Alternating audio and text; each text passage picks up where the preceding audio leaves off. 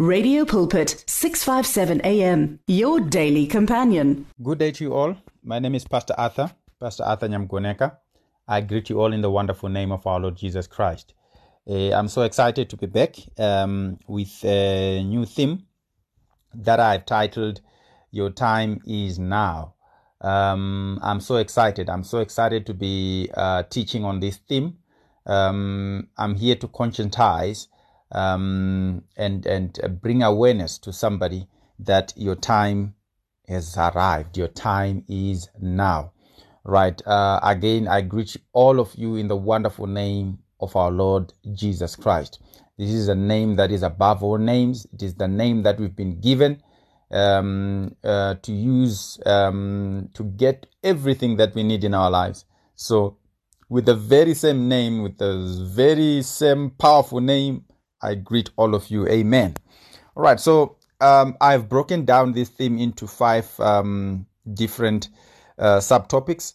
And um, the first one, I've titled it uh, The Father of Many Nations. The Father of Many Nations. So, in this um, uh, um, sermon um, or, or, or, topic, I'm talking about uh, Abraham, who was made the father of uh, many nations by um, by God. So uh, our main scripture is going to come from Romans chapter four, and I'm reading from verse seventeen. Um, I'm reading from the King James version, and it says, "As it is written, I have made thee a father of many nations. Before him, uh, before him whom he believed, even God whom." Even God who quickeneth the dead and calleth those things which be not as though they were. Uh, verse 17 again, as it is written, I have made thee, I have made thee. That's the part where I want to focus on. I have made thee a father of many nations. I have made thee a father of many nations. So, this is the story of Abraham. We all know this story because it is quite popular all right um, a lot of preachers a lot of um, um, uh, men and women of god who minister they, they they they like to minister about this story. The story of abraham is um, he is uh, indicated to be the father of our faith. Amen. So so if you look at the story of abraham in this case god is telling him that i have made thee a father of many nations and if you look at the time where God had to make this pronouncement to him that I've made thee or I've made you the father of many nations, if you look at the circumstances around or surrounding Abraham, they were telling a different story. They were telling a very negative story.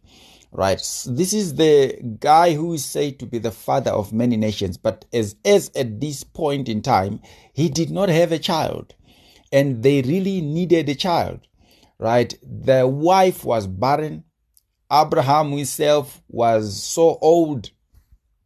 Um, so, so it was when you looked at his situation, it was so much impossible to to to to think a child is going to come out of that uh, um, um, out of their lives, right? Remember, the wife was barren. You know, when you are barren, it means you are literally declared that you are not going to be able to carry a child in your arms. So, so that is that was the situation that they were facing. That was the mountain that uh, they uh, uh, that they were facing. But it did not stop God from declaring to Abraham that you are. I have made thee the father of many nations. I have made thee the father of many nations. I want to tell somebody right now. Remember, our theme is your time is now. I want to tell somebody that it's not because of the situations. Don't look around the, your situation. Don't look around your circumstances and then uh, uh, let them dictate when your time has arrived. No, your situations cannot, do not have the power to do that. It is not given to your situation. It is not given to your circumstances to determine whether your time has arrived or not. No, it's not given to the situations. It's not given to the to the to the circumstances. It is not given to um, whatever that is surrounding you to determine whether your time has arrived. What is given to determine whether your time has arrived is what the word of God says about you. Hallelujah. Am I speaking to somebody? So it is given to what the word of God says about your life. If the word of God says this, then it is that. It is not your situations that determine. It is not the circumstances that determine. It is what the word of God says about your life. Abraham looked at looked around himself.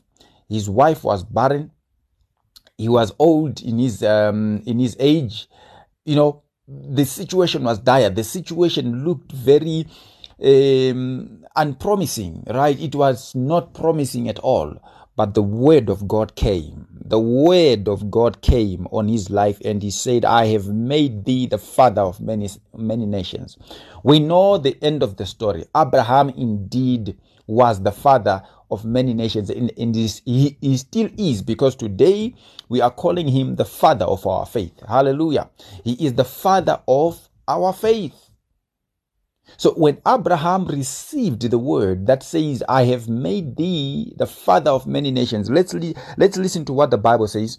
As it is written, I have made thee a father of many nations before him whom he believed. Before him whom he believed, even God who quickeneth the dead and calleth those things which be not as though they were. So Abraham believed the word. Abraham believed what God says about him. Not he did not believe the situation. He did not look at the circumstances and believe uh, what they what what what what me, whatever message they, that they were giving him. No, he did not focus on that. Abraham focused on what the word of God said and he believed. The question right now to somebody who is listening to me is that are you going to believe? Are you going to believe what the word of God says about your life? Because indeed the word says you are more than a conqueror.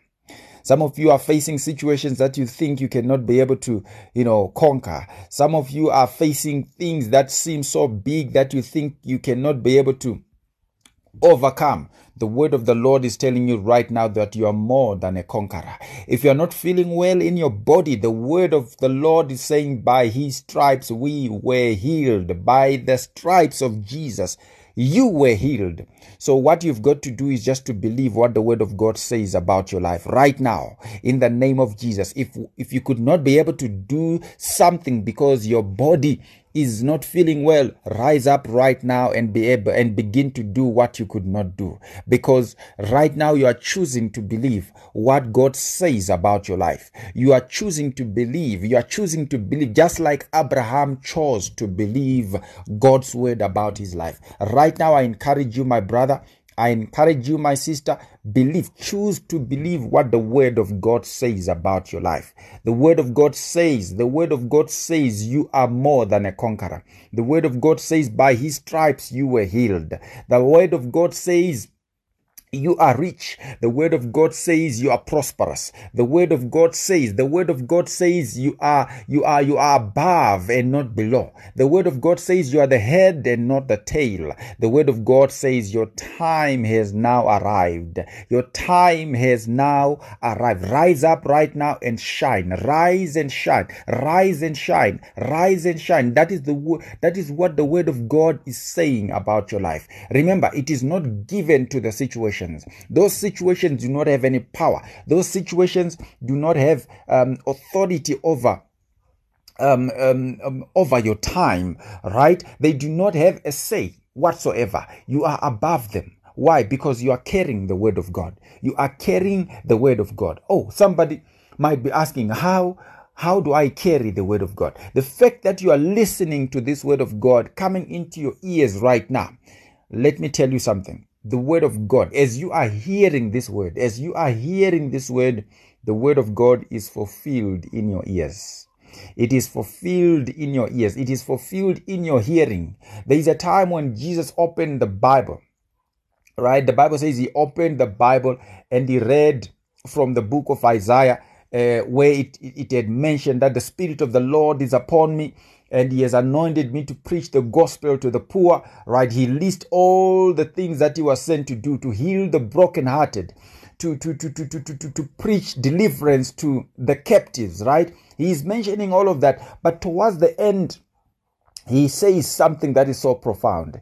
He says, Today, today, today, this scripture is fulfilled in your ears. It is fulfilled in your ears. So he's telling them that those that had an opportunity, those that got an opportunity to listen to what he was saying, those that got an opportunity to listen to what he was saying, he was telling them that in your hearing, the word of God is fulfilled. Thank God right now for the opportunity that He has given you. Thank God for the opportunity He has given you or the opportunity that He has afforded you to listen to this, uh, to this, to this sermon, to listen to this um, um, uh, teaching on the Word of God, on the subject of or on the theme of your time is now. Thank God for this opportunity. Why? Because in your hearing, this word of God is getting fulfilled. This word of God is being fulfilled in your life.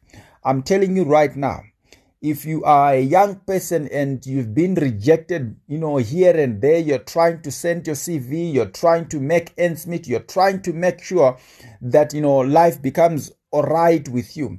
I'm telling you right now, your time is now. Rise up, go and send those CVs. Rise up and send those CVs.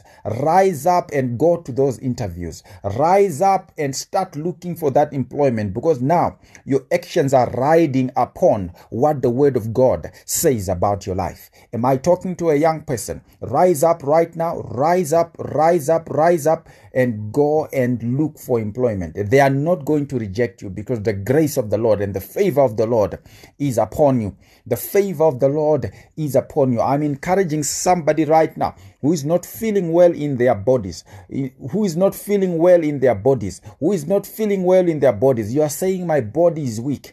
My hand cannot do that. My hand is paralyzed. My leg cannot move. Right now, right now, right now, I'm declaring the word of God upon your life. The word of God says, By his stripes we were healed we were healed. That is in past tense. You are not supposed to be in the situation you are right now. So I'm telling you right now to rise up. Rise up from where you are seated. Rise up from where you are sleeping. Do what you could not do. Tell your body that I am choosing to believe what the word of God says about my life. Keep on declaring that to yourself. Keep on declaring that to yourself. Rise up from that bed. Rise up from that chair. Rise up from whatever corner you are seated and do what you could not be able to do. And you are doing this, whatever your action that you are taking right now, it is riding, it is riding upon what the word of God says about your life. Choose to believe today. Choose to believe today because it is in believing what the word of God says that you are going to see the fruits of his word. Abraham chose to believe. Abraham chose to believe the word of God upon his life, and indeed he became, indeed he became the father of many nations. Did he become a father of many nations when he had the child? No, he became the father of many nations the moment he decided to believe. The moment he decided to believe what the word of God says about his life. Rise up, my sister. Rise up, my brother. Rise up, my father. Rise up, my, my, my, my mother, grandmother, grandfather, everyone, little kids. Rise up and be who God says you are. Rise up. I hope somebody is learning something from this word today. Your time is now. Your time is not in the future. Your time is not in the future. Your time is not in the future. Let it register in your mind. Your time is now. Your time is now. Let it register in your mind and let it drive your actions right now. That if you think you are giving up, you are going you, have gotten this the, the surprise of your life i'm here to tell you that it is not yet over it is not yet over it is not yet over rise up and tell yourself that the time is now because your time is now because the word of God says that about my life. Choose to believe the word of God. Choose to believe the word of God. As you do that, as you put your belief into action, may God bless you.